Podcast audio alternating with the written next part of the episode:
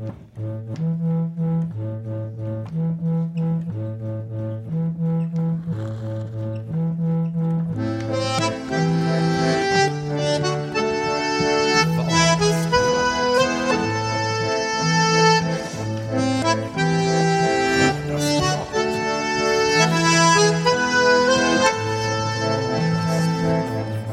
har bjudit in politikern Ahmed Amin för att prata om politikens utmaningar. Jag hoppas också att vi hinner komma in på andra ämnen som engagemang och bildning. Välkommen till Vardagsprat, en del av ABF Agera. ABF Hässelbygdens digitala scen för folkbildning och kultur. Jag heter Reine Lööf.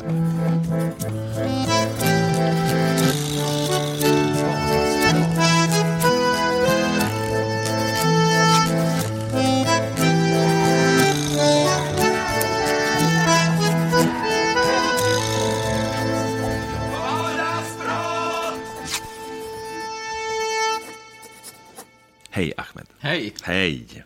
Du, jag presenterar ju dig som politiker.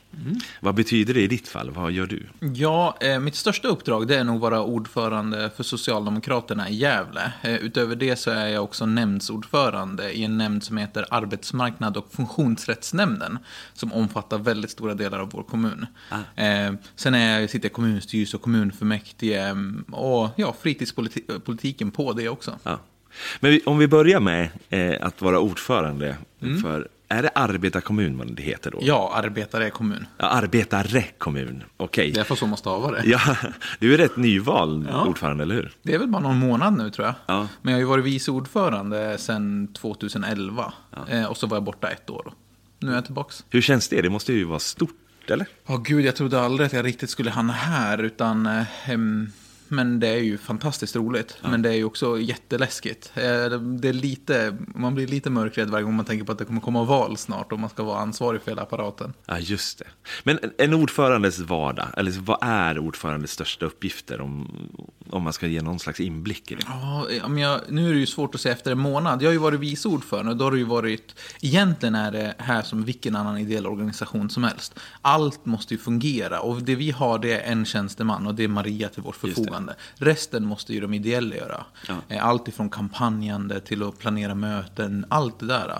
En ordförandes viktigaste roll det är att liksom få alltihopa att höra ihop och fungera och, och se till att det eh, faktiskt genomförs det man säger att man ska göra. Ehm, Så det man är ju som den, ehm, vad ska man säga, spindeln i nätet. Man är tvingad till det. Egentligen är det Maria, men ordförande är Ja, också det. ja, ja.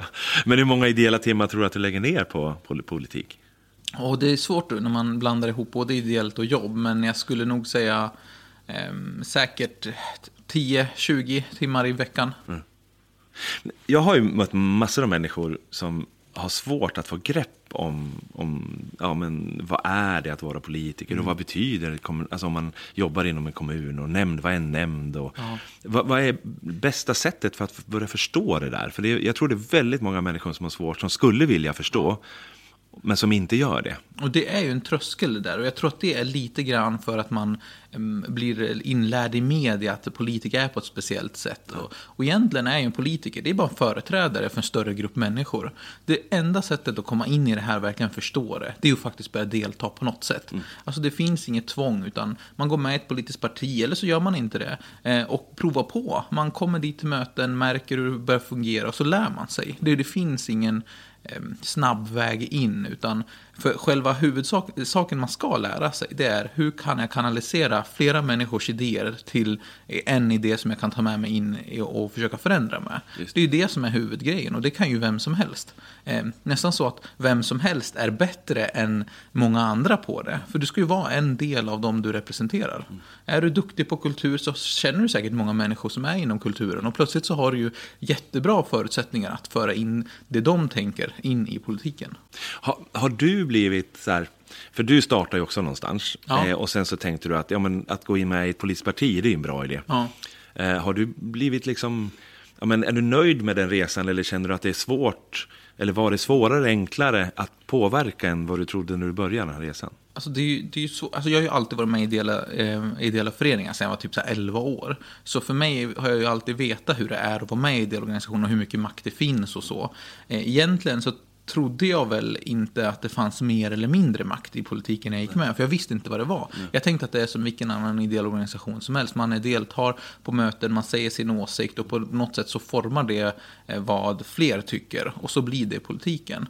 Ehm, och jag har väl insett nu att det är ungefär det som jag hade förväntat mig från början. Men jag vet ju att eh, de runt mig som inte är politiskt aktiva, eller var då, hade en helt annan förväntan om vad politik var. Man trodde ju att man var någon man gick i korridorer och pekade och berättade ja. hur människor skulle besluta saker. Och, eh, man, ja, man, man var liksom allmänt man, man var som, som över andra. Eh, och att man, liksom, det är därför man, jag tror att det finns en, ett reellt problem i politiken, är vad politiker faktiskt gör och vad förväntan på dem är. Eh, och den tror jag är väldigt intressant att diskutera. Så jag tror att fler måste börja göra det. Mm. Din resa då, då? Eh, du var inne på den. Var startade den någonstans? Alltså jag kommer ju egentligen från Kurdistan, eh, kvotflykting in till Sverige, ungefär sju år. Eh, då kom fram till Sverige. Vi flydde när jag var ungefär två, så vi har varit på flykt ganska länge. Eh, men den, den, delen som jag tror faktiskt gjorde störst påverkan på mig, som fick mig liksom att börja fundera på mitt samhälle, det var när jag väl hade kommit till Sverige. Eh, när man bor i ett land där eller en stad som Söderhamn var, fanns en jättestor industri, Ericsson, det fungerade jättebra, det var stort. Eh, och så plötsligt så började de lägga ner. Mm. Eh, och vad som hände med människor i den orten, eh, det tror jag fick mig, alltså det påverkar mig mest. Eh, jag tror att jämlikhet är någonting man underskattar. Att om alla människor har ungefär lika bra och så plötsligt börjar jättemånga få det sämre. Ja. Då händer det någonting med det området. Jag pratade med en, en kompis häromdagen om Söderhamn och vi pratade om vår uppväxt, för vi växte upp tillsammans. Jag insåg ju ganska fort att det var ju väldigt många av mina kompisar som hade börjat knarka och dött. Ehm, ja, det var ju liksom hemskt. Vi kunde ju liksom räkna upp alla våra barndomskompisar och det blev så här, oj gud, vad har hänt med... Ehm, och det, jag tror att det började väldigt, väldigt fort i att liksom, människor blev utan jobb, vad som hände med orten då. Jag känner ju igen, jag är ju själv Norrsundsfödd. Mm. Och vi hade ju också både ett, pappersbruk och en såg som lades ner. Eh, och vad som hände med det samhället då. Ja. Eh, och vi, jag kan tänka mig att väldigt många som bor runt Gävle och som, som har den här, känner igen den här eh, ja, berättelsen att Gävle är ju väldigt mycket ja, ursprung av, av industrier, av, av den slags trygghet mm. som brukssamhällen var. Vad, vad, vad händer med Gävle nu? Vad är Gävle på väg egentligen? Alltså jag hoppas ju att Gävle fortfarande har några starka industrier kvar som kan locka till sig mycket arbetskraft och så. Eh, men jag, jag, jag, tror också att Gävle är på väg att eh, utvecklas till någonting annat. Lite mer IT-fokuserat, mycket tjänsteföretag. Eh, och det tycker jag också är positivt. Nu är det ju väldigt svårt att veta vad som händer med allt det här i coronatider. Mm. Men, men det sker, jag tycker att det ska finnas en stark industri och starka andra företag. Och, eh, det, måste finnas både och, det kan inte bara vila på en stor ehm, en stor apparat. För risken är att den inte klarar sig och då finns det inte så mycket kvar. Men utifrån demokrati och så då, att, mm. att, när, när ett samhälle, det händer så mycket som du säger med ett samhälle, det är industrier som läggs ner, det är, människor tappar kanske hopp om, mm. och de, framförallt så hamnar de ja, men i, i en rädsla för någonting som har varit tryggt förut. Mm. Eh, hur påverkar det alltså, tron på politik och tron på, på det du tror på? Mm. Märker du det när du liksom pratar politik med människor?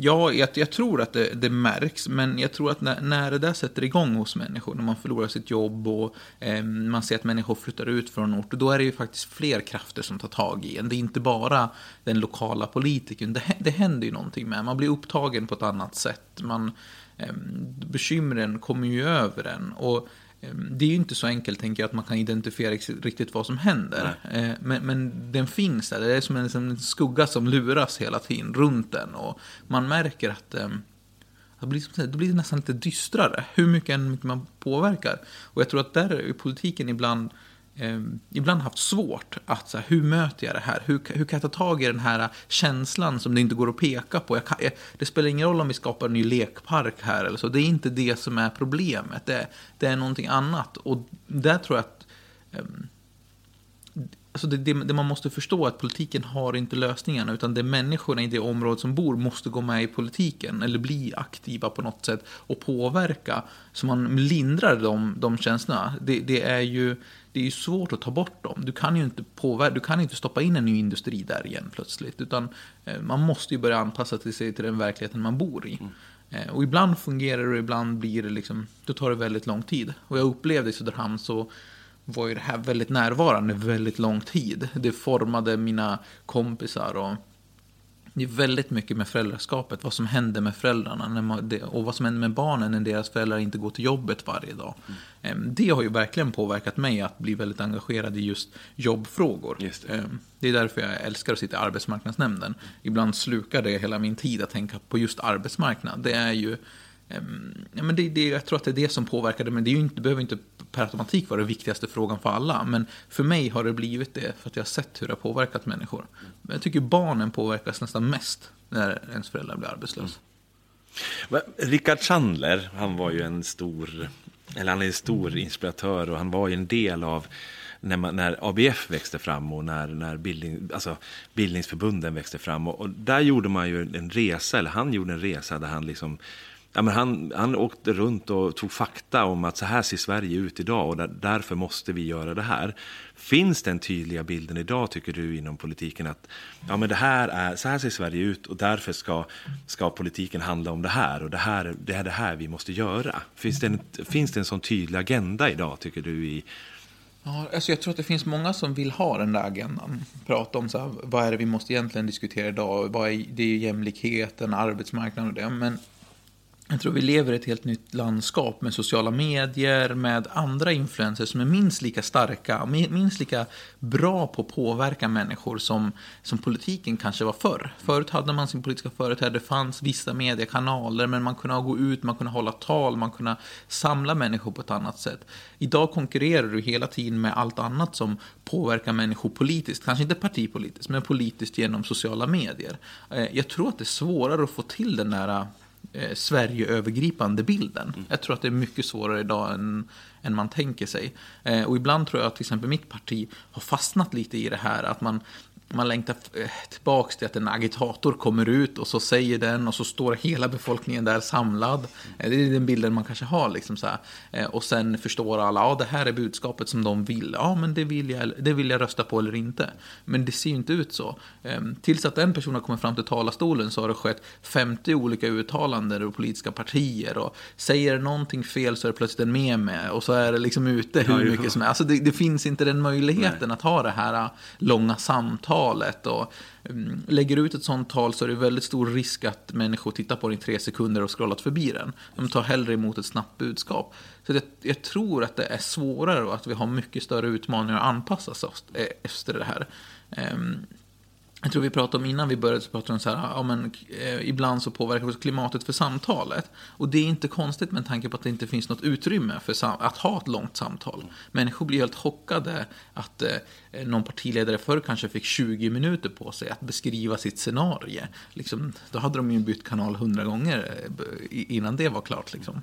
Ehm, och jag, jag tror att jag har lite nostalgi. Jag skulle gärna vilja se det där. Jag skulle gärna vilja se Stefan stå där och prata och berätta varför han växte upp och hur han såg det här komma upp och vad han vill göra i en tv-debatt. Det hade varit jätteintressant. Men ja, omöjligt att han blir erbjuden den formen. Mm. Ja, men det är ju Men den där gemensamma båten som du beskrev, ja. lite som ja, men när vår välfärd byggdes fram och folkhemmet och alla de här. Alltså den gemensamma båten, är det den som, som jag tror så många längtar efter, den är nästan omöjlig idag då. Mm. Eller att känna ja, den här att vi är på väg mot samma, vi har samma, utan det finns liksom, det förändras hela tiden och det finns mm. Ja, men jag tror att det finns, man ska kalla den här gemensamma båten, tänk att det är hundra båtar nu. Ja. Och du ska vara glad om du får 80 av dem att åka åt samma håll. För det, men människor ja. engagerar sig i olika saker. Och nu finns det möjlighet att, att engagera sig i, i detaljfrågor på något helt annat sätt. Ja. Eh, vi vill ha fler hundrastplatser till att vi vill ha, ja men det, det går att göra. Så det finns jättemycket fler, tror jag, politiska människor nu. Det borde finnas ett stort underlag att få människor att bli engagerade. Men det är svårt att få dem att bli det i den här um, formen som partipolitiken fortfarande finns i. Du, vi börjar ju prata lite om din bildningsresa och vi pratar lite om Söderhamn och den här nedläggningen. Eh, kan du berätta lite mer om det? Vad, hur tog du den? Eh, ja, men det där kom ja. det en uppenbarelse, det där kom det en kraft, en idé. Men vad, vad hände sen? Vad gjorde du av den? Alltså jag skulle säga att när jag minns min barndom så upplever jag ofta som att jag är någon sorts bisittare till det som hände i Söderhamn. Jag vet inte hur det gick till, men jag, jag, minns att jag slutade umgås med vänner som ganska fort eh, började med sånt här. Det var hela tiden som att jag var på sidan av. Jag vet inte om det var tryggheten i min familj eller någonting, men på något sätt så blev det hände någonting. Jag tror att det ledde till att jag, när jag slutade umgås med några stycken, för jag tänkte det här, det, ja, jag vet inte varför, det kändes inte bra bara. Eh, så eh, kom eh, en, en herre som hette eh, Per Forsström i Söderhamn, som är väldigt aktiv i UGT-NTO-rörelsen. Eh, och så eh, frågade han om jag inte skulle följa med på en UGT-NTO-aktivitet. Eh, och då sa jag så här, eller fast då hette det Junis, det är deras ungdomsförbund. Då. Eh, och då sa jag, ja men absolut, jag kan följa med på det. Och så gjorde jag det. Och där började hela min liksom, parallella värld till det som hände i Söderhamn. Plötsligt hade jag en häftig värld där fullt med andra vänner som var engagerade i olika politiska frågor, inte partipolitik, men politiska frågor, som ville göra roliga saker och eh, plötsligt kunde någon ringa mig klockan sex på kvällen och säga så här, du, vi ska kolla på en rolig film på Gotan då, det var vår lokal. Och så gick vi dit och kollade på en rolig film och eh, den vägen tror jag gjorde att jag, jag fick någonting att hålla i. Det var någon som lärde upp mig utöver det som jag lärde mig i skolan. Skolan var ju mer den, den formella delen. Men UTNTO var mer den, den andra delen. Lite som en extra förälder som liksom så visade hur världen faktiskt såg ut och vad alkohol gjorde med människor och, ehm, och droger. Och, så där lärde jag mig otroligt mycket. Och på den vägen tror jag att när jag blev väldigt aktiv i, i den rörelsen så föranledde det att jag senare naturligt tyckte att men politiken är också rolig och den, den finns ju också. Ehm, så jag tror att Identitetorörelsen var min väg in i politiken. Det, jag, det här var en upplevelse som jag har. Att jag, jag hade väl någon liknande väg också mm. och kände också att jag kom in i en väldigt tillåtande miljö. Alltså där jag fick lära mig stegvis. Eh, det jag kan uppleva lite idag, det är att den här flaskhalsen blir lite trångare. Alltså att mm. vi, vi måste ha rätt språk, vi måste ha rätt sätt att tänka redan från början. Annars, annars blir vi på något vis uteslutna den här världen. att den, är liksom, den kräver väldigt mycket av oss. Är det en bild som du också delar? Eller? Tänker du då den ideella världen? Alltså ideella, ja, men, tänker du det kan både liksom? vara ideella världen eller Eh, jag pratar med yngre människor som har liksom försökt ta steg i, inom den ideella politiska världen, både liksom partier ja. men också utanför partier. Men där de upplever liksom att den där, att den var väldigt liksom, eh, ja men mm. den, den, var väldigt stängd på ett sätt för att man, ska, man skulle ha rätt språk, man skulle kunna tillräckligt mycket.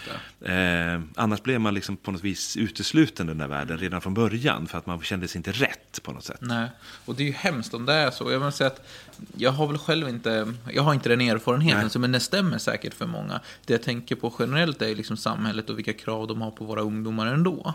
Ja. Eh, och det märks ju otroligt, det har ju ökat något drastiskt. Ja. Jag minns inte att det var på det här sättet. Nej. Att det var de här sociala kraven på en, att man skulle vara på speciella sätt. Och, Såklart tror jag att det påverkar den ideella sektorn också. Det är inte så att den är immun mot det här. Sen tror jag att den ideella sektorn är mycket bättre. Men tänk på all fotboll, vad all idrottsrörelse, ja. vad allt har gjort för människor. Ja. Men jag tror fortfarande, det är inte så att den är avstängd från samhällets resten av krav på eh, människor. Så det låter ju helt rätt att det kan ha blivit en, liksom, ja. en flaskhals som, eller någonting som stoppar människor. Eh, och det är ju läskigt att det är så. Eh. Ja, att vi, att vi liksom inte Alltså på något vis måste väl den där flaskhalsen vara rätt bred ändå. Så att vi inte känner att, liksom, att det är bara en sorts människa med en sorts åsikt som får plats på något sätt. Utan att vi, alltså demokratin bygger väl också på att den, den får, måste ja, få vara bred. Och vi måste våga säga saker som vi inte riktigt går överens med kanske ja. de andra i rummet. För att vi sen ska kunna blötas. Och, ja, någonstans. Ja, jag håller med. Eh, frågan är bara hur man hur man bygger upp sådana forum. Ja. Jag, jag, jag, tycker ju att eh, de, vissa politiska ungdomsförbund verkligen är duktiga på det, om man Ja. tänker politiskt. Men jag tror att, att det är egentligen det viktigaste, eh, det är att hitta någonting man tycker är roligt att göra. Om man nu till exempel är intresserad av eh, cosplay eller något sånt där. Att hitta en sån förening, att engagera sig i någon sorts förening så man lär sig själva föreningsstrukturen. Hur fungerar det när jag måste ta hänsyn till andra människor eh, för att få igenom idéer och tankar? Och det, det är en majoritet som bestämmer för att man måste ändå ta hänsyn till den största mängden människor. Det tror jag är, är den viktigaste lärdomen och då måste man inte eller mitt budskap är att du måste inte börja ett politiskt ungdomsförbund, vilket, men jag tycker att de är bra. Är alltså att bara du engagerar dig i något politiskt, eller något eh, ideell organisation, så öppnas den världen upp lite grann. Det. För det handlar ju just specifikt om det som är världen i alla ideella organisationer. Att faktiskt eh, man måste vara fler som tycker någonting. Man, man måste få med sig andra människor. Det räcker inte bara att man i sin hjärna kan göra någonting. Utan du, du, på något sätt ska du kunna uttrycka det. Det tror jag är en av de viktigaste lärdomarna. Jag bad dig också då att eh, ta med dig någon text eller citat eller någonting som, som har betytt någonting för dig på resan. Eh, vad landade du i där? Alltså jag har ju läst, jag har ju, jag har ju ett citat som jag valde ut och det kommer ju från Astrid Lindgren. Ja, jag låter väldigt pretentiöst här, men Nej, nej, det är ett citat som har förändrats för mig över tid. Ja. Eh, och det är, för nu- jag, har ju också få, jag har ju treåring hemma, eh, och det är det här citatet. Ge barn kärlek, mera kärlek och ännu mera kärlek så kommer folkvettet av sig själv. Och jag vet, det tycker jag är ett sånt här citat som verkligen har eh, präglat mig för att jag tänker på min barndom när jag tänker tillbaka på det. Hade jag inte haft den här föräldrar som var väldigt kärleksfulla, en ehm, Per Forsström tar jag som ett exempel och han i en ideell organisation i UGTNTO som verkligen tog hand om mig, eh, gav mig liksom så här, men tillåtelse, eh, var förlåtande. Jag tror det formar väldigt många barn och att det är så man liksom Ge kärlek, mer kärlek och ännu mer kärlek. Det är liksom den rätta vägen. Jag hörde någon psykolog också prata om det, att man, man pratar väldigt många gånger illa om föräldrar som curlar sina barn. Så, ah, de curlar sina barn. Ehm, och då tolkar människor det ibland på olika sätt, men, men det jag tolkar det som är, ehm, som psykologen också sa, så här, du kan inte ge för mycket kärlek. Du- Resten löser sig. Bara förståelse, ge mycket, så mycket du bara kan. Allt annat är okej, liksom. det kommer lösa sig. Eh, och det tänker jag ofta på i det här citatet. Och att det har blivit lite hårdare i samhället. Vi ska nog ställa krav på barn istället. De ska vara på ett speciellt sätt. Och man gärna inte oförlåten. Till och med människor som vill att man ska fängsla barn liksom, när de gör saker. Och det ska straffa. De ska bli skyldiga staten resten av sitt liv om de har råkat gjort någonting. Liksom. Det här med kärlek har ju blivit väldigt mycket mindre istället. Ehm, och, och, och ibland när jag säger så här också så lurar jag mig själv. För jag, för jag tänker också på, när jag säger så så får jag låta som att majoriteten vill ge mindre kärlek. Och så är det inte. Men det finns en stark grupp människor som har ett stort grepp om sociala medier och så. Som har de känslorna, som uttrycker dem mycket mer än resten gör. Ehm, jag tror att de flesta ger den här kärleken. Och det gör väldigt mycket för människor.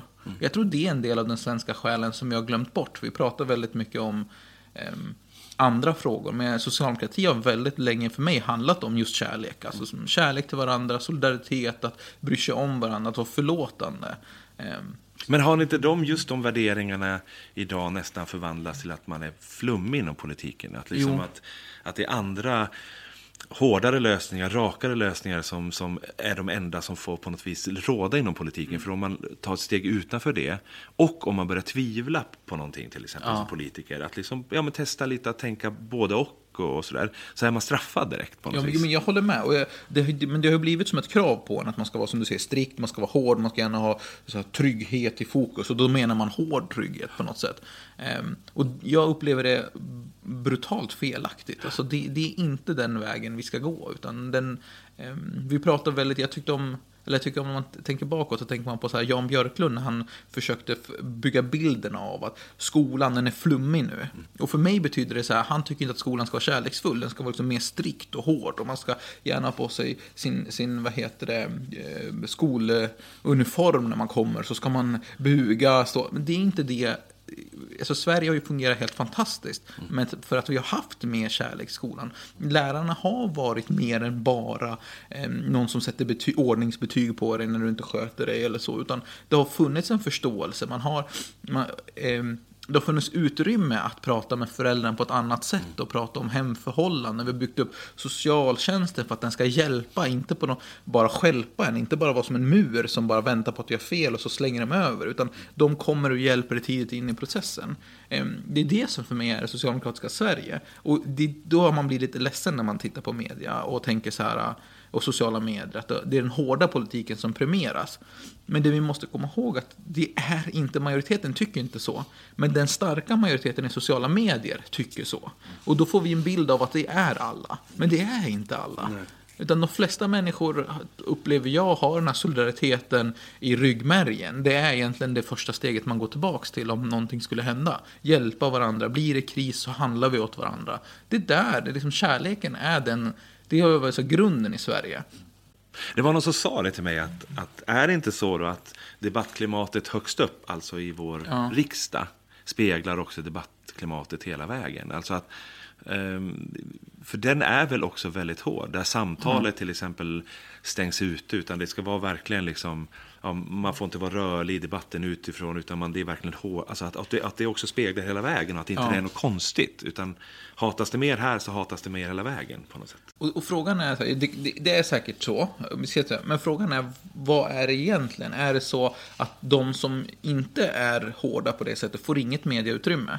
De som är som lyfter ena sidan och andra sidan och tredje sidan, de får inget utrymme. Medan de som bara säger så här, vi måste fängsla, vi måste ha de får utrymmet i media. För att de var, de var annorlunda från eh, mängden. Mm. Eh, så frågan är vilket som är vilket. Är det så att riksdagsledamotspolitiker eller riksdagspolitiker på något sätt har blivit hårdare allihopa? Eller är det bara så att man bara ger utrymme till de som är hårdare? Och det är en svår fråga att besvara. Eh, ibland, alltså jag, jag, har inget, jag har inget skäl att skylla på media eller så, men jag tycker att de har ett viktigt ansvar i det här. Vad är det som premieras? Är det de som är hårda? Är det de som har snabba bilder, snygga liksom, slogans? Är det de som premieras eller är det de som är eftertänksamma? Och min bild är att det är den hårdare typen som premieras just nu. Just det. Ja, det, är, det, det är en liten, för jag tänkte just fråga dig om hur, hur du känner att vår demokratin som vi mm. har lärt känna den, som är ungefär 100 år just nu också, ja. alltså hur den mår. Mm. Eh, för att det, ja, det är många som säger att åh, demokratin mår väldigt dåligt, att den är hotad. Vi får ju massa så signaler av att, av att vår demokrati på olika sätt är hotad. Ja. Är din bild också att den, den är hotad på riktigt. Liksom. Nej, men alltså, den är ju, jag, jag skulle inte säga att den är hotad. Eh, jag skulle säga att den har fått en liten törn för att det har kommit, man har plötsligt kunnat ge fler människor större mm, förmåga att kunna uttrycka sig. På hö, inte bara de som blir valda av de, eh, de flera, Såhär, det är inte längre som en pyramid, att de längst ner väljer sina representanter ända upp. Och de längre upp har mer och, och, och förmåga att kunna eller plattformar att prata om sin politik. Utan nu kan även den längst ner prata om sin politik på sociala medier. Den kan göra en delningsbild, den kan skicka ut det. Och jag tror att det har skakat om den liksom, demokratin. Mm. Så här, hur ska vi bygga upp den efter den här nya formen? Ehm, jag vet inte om det per automatik är dåligt. Alltså, så här, det kanske, vi kanske också ska se på det så här, oj, nu kan vem som helst starta ett Facebook-konto och bygga upp en, en Facebook-sida och få hur många gillan som helst för att den har en idé som fler håller med. Det är någonting positivt, för, tycker jag. Mm. Men den sätter ju otroliga utmaningar på oss. Så hur, hur, I det, hur får vi fler människor att bry sig om fler frågor än bara sakfrågor? För ingenting Ingenting är ju så enkelt som att man bara löser en liten fråga i det hela. Och det är därför jag valde Socialdemokraterna, för jag tyckte att de hade liksom lösningar på hela bilden. De hade en vision, hit vill vi och så det här är hela lösningen dit. Eh, och det är svårt att få utrymme för just nu. Eh, så här, hur, jag tror vi pratar om så här, den här båten, hur får vi utrymme för den här båten i det här massiva eh, utrymmet i medialt och vi slåss om att få så mycket, få så mycket tid som möjligt. Mm. Det är svårt, så att jag tycker inte att demokratin har blivit sämre på något sätt, men den måste formas om. Mm. Eh, någonting måste hända för att den ska liksom anpassas till dagens utrymme. Det är jättemycket men, fler människor, tror jag, som är aktiva politiskt, men inte partipolitiskt. Ja, för det är, det är väl också i undersökningar och så här att när, när unga människor får, får lista sina intressen ja. så ligger väl samhället väldigt högt i de undersökningarna. Ja, gud ja. Alltså... Och väldigt högt förtroende för myndigheter och ja. så. Men de, så här, ska de då deras världsbild kanske är att jag går med i ett politiskt parti och så är jag aktiv i tio år och när jag har varit aktiv i tio år då kanske jag har fått ett förtroende eh, och då kan jag driva den här frågan som jag är intresserad av just nu. Mm. Ja, det är kanske inte lika intressant som att skriva ut det på Facebook direkt och så får man ganska många gilla, man får bekräftelse, eh, man ser att man, det är några människor som börjar bli ens vänner Alltså det finns ju mycket snabbare vägar att få utrymme för sin politik. Men hur fångar vi den där människan och så säga, jättebra att du driver av den här idén. Men vet du, den måste höra ihop med en helhet. För eh, om vi har tusen bara egna idéer så kommer inte det kunna bygga upp ett samhälle. Det, det måste liksom höra ihop på något sätt. Det är ju den utmaningen som vi politiskt måste ta tag i. Nu har ju du fått ordförandeklubban här i Gävle då. Oh. Stor. ja, är den stor eller? Nej. Nej, den är liten. Nej, men jag tänker, vad, vad, jag kan tänka mig att du har satt dig ner och funderat nu. Och, ja, men hur du i allt det här med hela ja. bygget, hur, vad du i din roll ska göra framöver. Vad, vad ser du? Vad har du hittat hittills som känns som prioriterade saker? Oh, Gud. Alltså, Socialdemokraterna i Gävle har ju gått igenom en otroligt stor reformering de senaste tio åren. Alltså från, alltså jag vet inte hur mycket olika sätt vi har gjort om det här för att liksom försöka anpassa oss framåt mot det nya politiska läget. Eh, och jag vill ju fortsätta med det. Och en, ett motto jag kommer ha, det är att eh, det som premieras är engagemang, engagemang, engagemang. Alltså man, man får göra mycket bara man är engagerad i frågor. Det är det som ska premieras. Eh, och det som inte engagerar, det ska, inte, det ska vi inte hålla på med. Eh, och det är någonting jag tänker jag ska försöka implementera mer. Eh, för det är väldigt ofta så att vi lägger väldigt mycket tid på saker som inte engagerar oss. Eh, som ett exempel? Ja, men, föreningsstruktur, hur ja. vi jobbar. De tråkiga sakerna, medan det som människor faktiskt egentligen skulle vilja göra som engagerar dem är att prata politik, få forum att prata politik på, kunna liksom se att det, det de pratar om faktiskt också blir resultat i kommunens politik. För vi har ju den förmågan, vi styr ju Gävle med flera, men vi har ju den förmågan att faktiskt genomföra vår politik. Och då måste det finnas ett sätt för medlemmarna att känna så här, mitt engagemang lönar sig. Mm. Men det var någon som precis hade, eller varit medlem i något politiskt parti i ett år nu. Och den uttrycktes det typ, ja men de gånger jag hör något, det är när det är dags att knacka dörr. Eller ja. något sånt där. Men det jag längtar efter, det är liksom att få vara med och, ja men som du säger, alltså mm. bilda sig, diskutera politik, forma politik ja. och sådär. Eh, och det är där du menar någonstans. Det är där jag vill hitta. Liksom. Ja. Hur, hur fångar man det där engagemanget? Det där, du ska se på ett medlemsmöte, när vi har ett medlemsmöte så har vi så formella ärenden, så här väldigt formella. Och så plötsligt kommer någon och tar upp en politisk fråga. Hur liksom så förändrar, ah, liksom, luften förändras i rummet. Plötsligt blir människor engagerade och vill vara med i den diskussionen. Och det.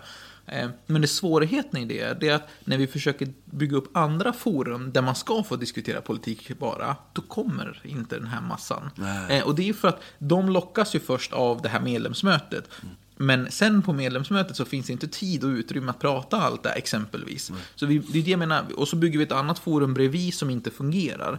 Och det måste vi hitta en metod för. Hur kombinerar man det på ett bra sätt? Där det, både det formella måste ju finnas kvar också. Men också att det finns ett utrymme att diskutera politik på och de tillställningarna.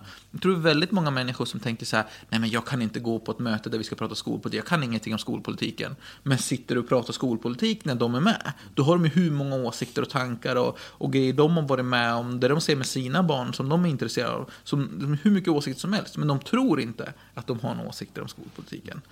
Um, och det är en svårighet. Och det ska vi försöka hitta metoder för. för jag ska säga så här, eh, när eh, Elin var ordförande så infördes något som heter torsdagsfika. Och det är Elin Lundgren som ja, Elin Lundgren, ja, ja, precis. Och då infördes något som heter torsdagsfika. Och då var tanken att varje torsdag så skulle vi bjuda på fika här nere och skulle prata olika politiska ämnen. Ordförande och nämnderna var hitbjudna för att verkligen ha kunskap på de frågorna. Det var inte jättestor uppslutning skulle jag vilja påstå. Nej. Men eh, lyftes en enda sån fråga på ett annat möte, då blev det jättestora diskussioner. Så det är det här med att hitta metoder. Eh, och det är ju enklare att säga det än att göra det.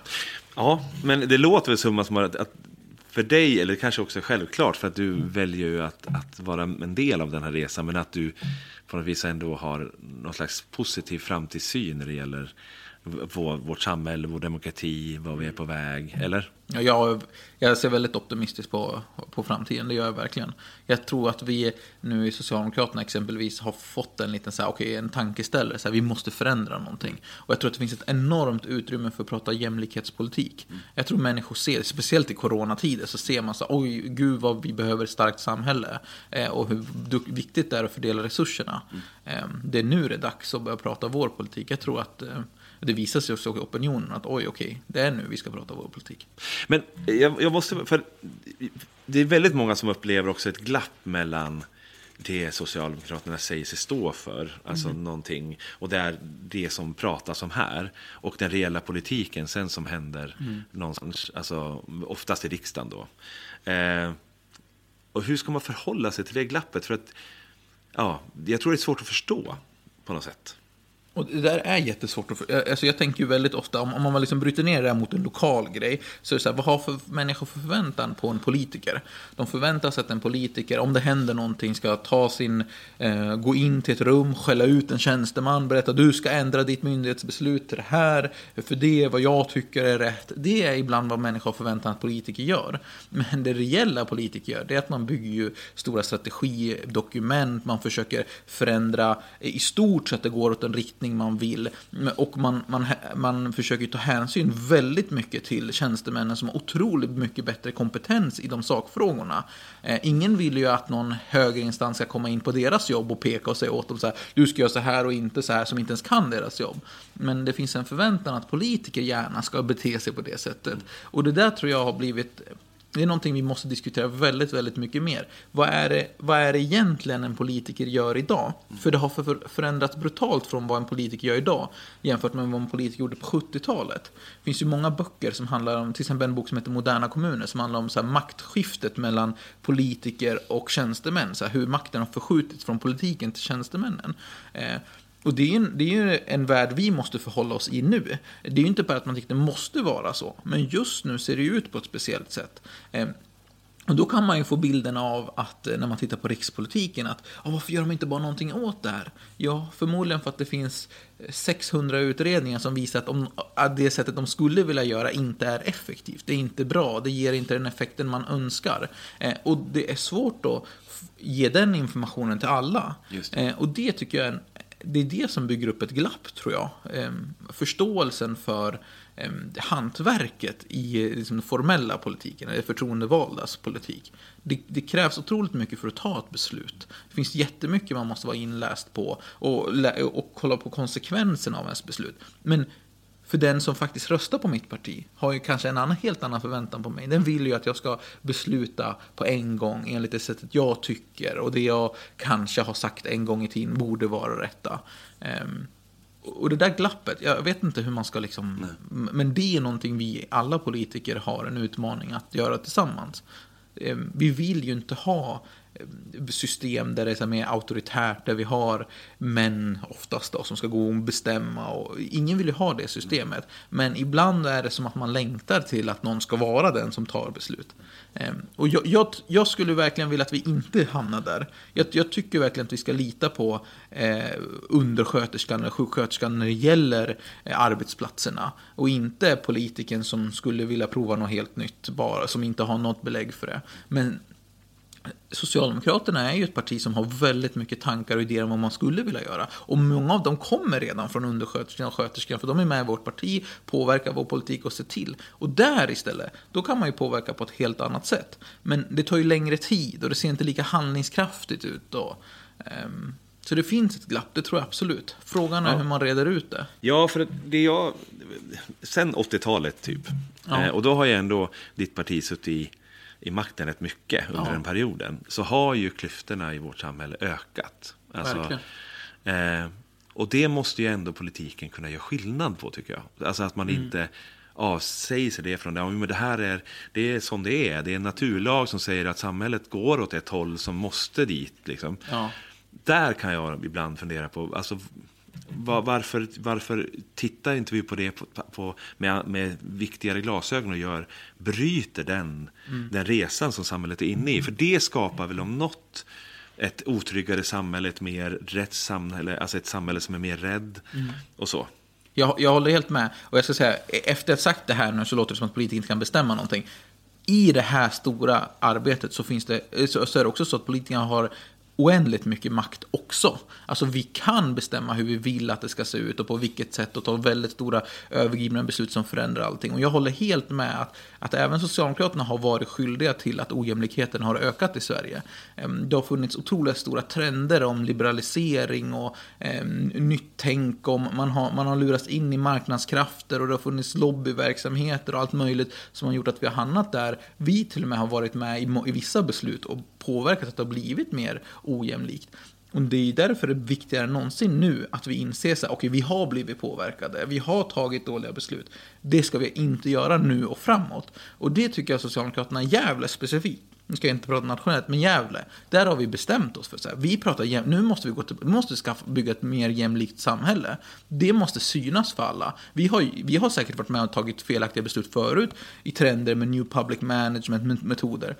Det måste vi kunna be om ursäkt för och säga så här, vi blev också påverkade av den tanken. Nu måste vi gå tillbaka till det jämlika landet. Liksom, det som gör Sverige så starkt, unikt i världen, var att vi var socialdemokratiskt eller socialistiskt, så här, jämlikt land. Och dit ska vi igen. Och det är, det är mitt enda mål. Att vi måste övertyga fler att jämlikheten är det, en av de viktigaste frågorna. Ser du det som den största utmaningen ja. och drivkraften? Och... Absolut. Ja. Jämlikheten är, och jobben är de viktigaste frågorna. Mm. Det fin ja, allt annat för mig är också väldigt viktigt. Men det finns ingenting som jag tror förändras så mycket som att göra att det blir mer jämlikt för människor. Två saker. Jag bad dig också tänka kring något slags, det gör jag till alla jag träffar, ett slags vardagstips. Eh, alltså att, ja men någonting att fylla livet med mm. som du gör, som du skulle vilja dela med dig av. Vad, vad landar du i det? Ja, jag skulle säga att det är brädspel. Brädspel? brädspel. Det finns ingenting så som förändrar min vardag och gör mig så glad och, och ger mig tankegångar som brädspel. Ehm, speciellt strategibrädspel, det är någonting som verkligen får mig att liksom och gud, just det, man kan ju göra på det här sättet eller tänka på det här sättet. Jag väldigt mycket gillar ju strategispel där man ska bygga upp civilisationer. Ja. Det är liksom ja, en ja. grej. Det är rinner över lite på politiken. Men också så gillar jag sådana här brädspel där man ska lura varandra lite grann. Så här. Hur fungerar människor egentligen? Kan du ta något exempel? Men det på... finns ett spel som jag tror heter Avalon. Ja. Eh, där det går ut på att man ska ut i uppdrag tillsammans. Eh, och så är två stycken, eller vad det nu är, eh, inte sanningsenliga. De försöker ju förstöra uppdraget. Och resten av de som sitter försöker göra... Och så ska man försöka lista ut vilka det är som försöker förstöra uppdraget. Och då sitter man ju så här fyra, fem stycken och spelar det här spelet. Är det, en, är, är det bräda? Det tänker jag, schack är ju ett brädspel. Till Ja, nej, men, ja, det här är min... Är det det, ser jag framför mig en bräda? Eller nej, ja, du, du, du, ser framför dig ett papper, eh, hårt papper och ja. så finns det figurer på det med hjältar och grejer. Okay. Och, och, jag gillar, desto mer hjältar och desto mer slåss så är det roligare. Men ja, ja, i det här spelet så går det mest ut på, inte det man gör på brädan, utan det vi gör som sitter runt bordet. Och så ljuger vi för varandra, så försöker vi lura den andra. Men det är inte jag som är tjuven, det är ju du. Det är du som är tjuven. Varför håller du på så här? Liksom, så här? Och liksom hur, vad som händer med människor när man måste gå in i andra roller. Det är ju jättekul. Eh, men mina favoritspel skulle jag säga, det är ju mer typ så här risk eller eh, när man liksom ska ta över hela världen. Eller, risk har jag ja, spelat. eller vad heter det, Catan, Settlers, alltså sådana spel, det är ju det är ju sånt jag tycker är otroligt kul att ägna tid åt. Och sådana här brädspel, det, det, kan man liksom bara... Du pratar om något papper. Är ja, eller man... kartong. Jag har aldrig spelat brädspel. Har du spelat Monopol? Men, jo, men, jag, jo, men, det, men det går man ju och köper. ja, ja. Men, men, nu såg jag framför mig att det är någonting man ritar upp själv. Nej, nej, nej. nej. Det här är ju ett sånt spel som man du köper. Man går och köper ja, och så spelar Men huvuddelen av spelet är, det är liksom mänskliga interaktionen. Ah. Och det tycker jag ju att det är med risk också. Det är inte det här att flytta gubbarna. Det är ju att göra pakter med ja, sina vänner och, och, och lura dem. Och, och vara arga på varandra timme efter man har ätit. Liksom. Ja, Va, du lurade mig! Ja. ja, det där, ja. Sånt, det... sånt får mig att... Det är roligt och det ja. får en att tänka och det, ja. liksom, det sätter igång hjärnan. Ja. Spelar ni det digitalt nu under de här coronatiderna? Nej, nu är det väldigt lite brädspel nu är det lite brädspel, ja. ja. Men om vi ska avsluta med det, för nu lever vi ju väldigt speciella tider ju.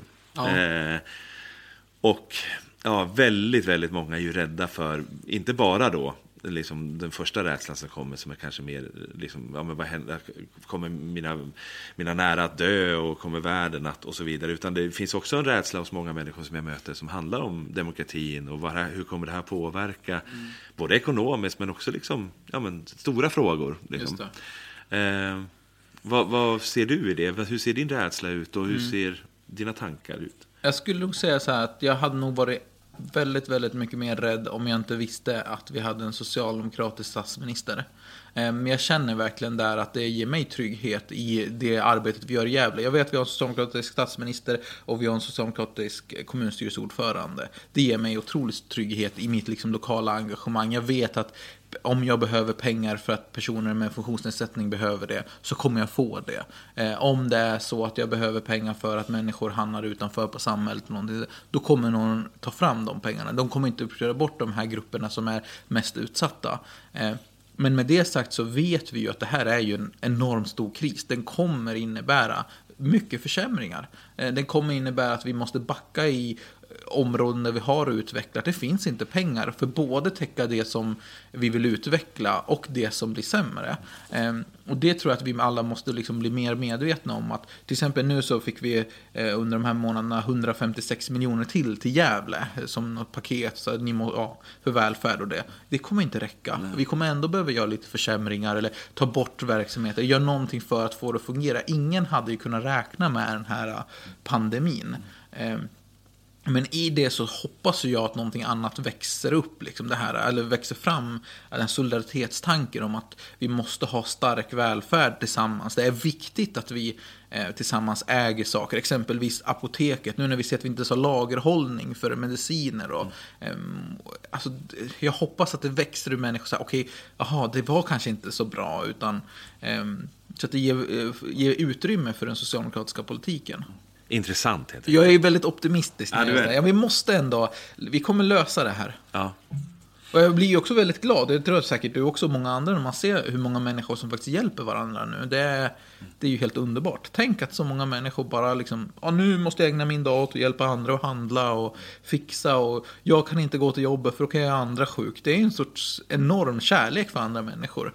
Eh, och det, ja, det är underbart att se. Jag pratade med Fredrik Hesselgren som är präst om det här i den här podden. Ja. Eh, och vi pratar både om den här, alltså de här ytterligheterna som, som kommer. Alltså det är både den här solidariska, eh, de handlingarna som kommer, men också självklart eh, handlingar som är byggt på rädsla och som rätt Mm. kan bli tvärtom. Att det kan bli ja, hat och andra saker som, som växer ur det här. Eh, Säkert. Men du, du ser ändå liksom att solidariteten är den som... Jag tror att den kommer triumfera. Det är, det är bara så. Det är vi som är fler som är avsolidariska. Det finns många fler. Vi är säkert 80 procent. Vi måste triumfera mot det andra.